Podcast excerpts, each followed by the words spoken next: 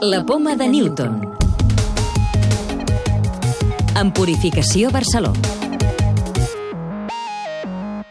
En el programa d'avui us parlem d'una investigació de científics valencians per reduir la mort sobtada dels nadons, la primera causa de mort a Europa durant el primer any de vida.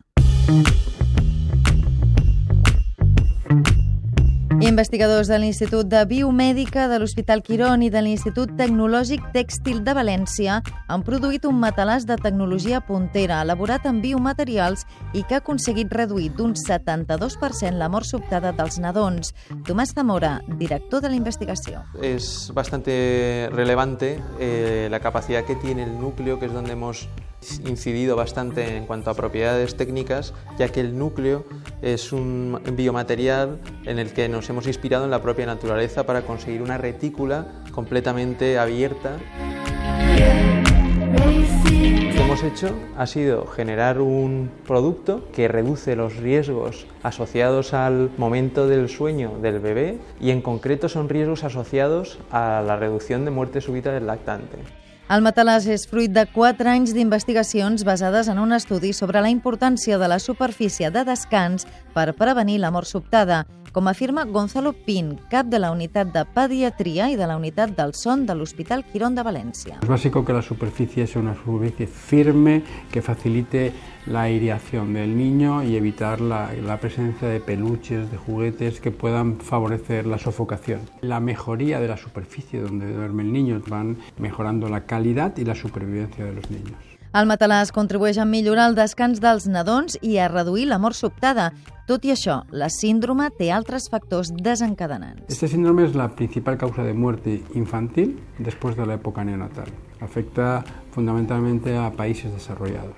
Las causas no son conocidas. Sabemos que hay varios factores que influyen, como es la temperatura ambiental, como es la presencia de elementos en la cuna del niño, como es la presencia de tabaco y sobre todo como es la posición del niño mientras duerme. Es calcula que més de 2.400 nadons moren cada any a Europa a causa d'aquesta síndrome.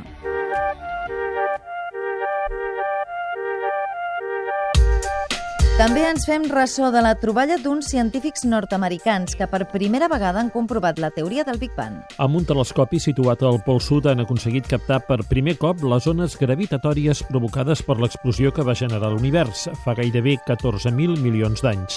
El descobriment també permetrà conèixer més bé la formació de l'univers i la seva evolució al llarg dels anys. Un grup d'investigadors de la Universitat Politècnica de Madrid han desenvolupat un escàner que actua per olors. L'escàner permet identificar persones a través dels patrons d'olor corporal, que són diferents en cada individu. Els seus creadors pensen que l'escàner podria ser útil en el futur en aeroports o fronteres, així com en serveis d'identificació de persones. Científics americans creen músculs artificials amb fil de pescar. Aquests músculs poden aixecar 100 vegades més pes i generar 100 vegades més energia que els músculs humans. Entre les seves possibles aplicacions hi hauria les pròtesis artificials o la robòtica humanoide. La clau de volta. Per què diem que la Lluna és mentidera? Jordi Eloi, de l'àrea de Ciència i Medi Ambient de l'obra social La Caixa. Doncs aquesta és una dita popular que serveix per identificar en quina fase es troba la Lluna tan sols mirant-la al cel. Si nosaltres mirem la Lluna i veiem que té una forma com de lletra C, pensaríem que està creixent, que ens està dient que creix, i en canvi no, està minvant. I a l'inrevés, si nosaltres mirem i veiem la Lluna en forma de D, hauria de decréixer. Doncs no, està creixent. Per això diem popularment que la Lluna diu mentides. Però penseu que això només serveix a l'hemisferi nord.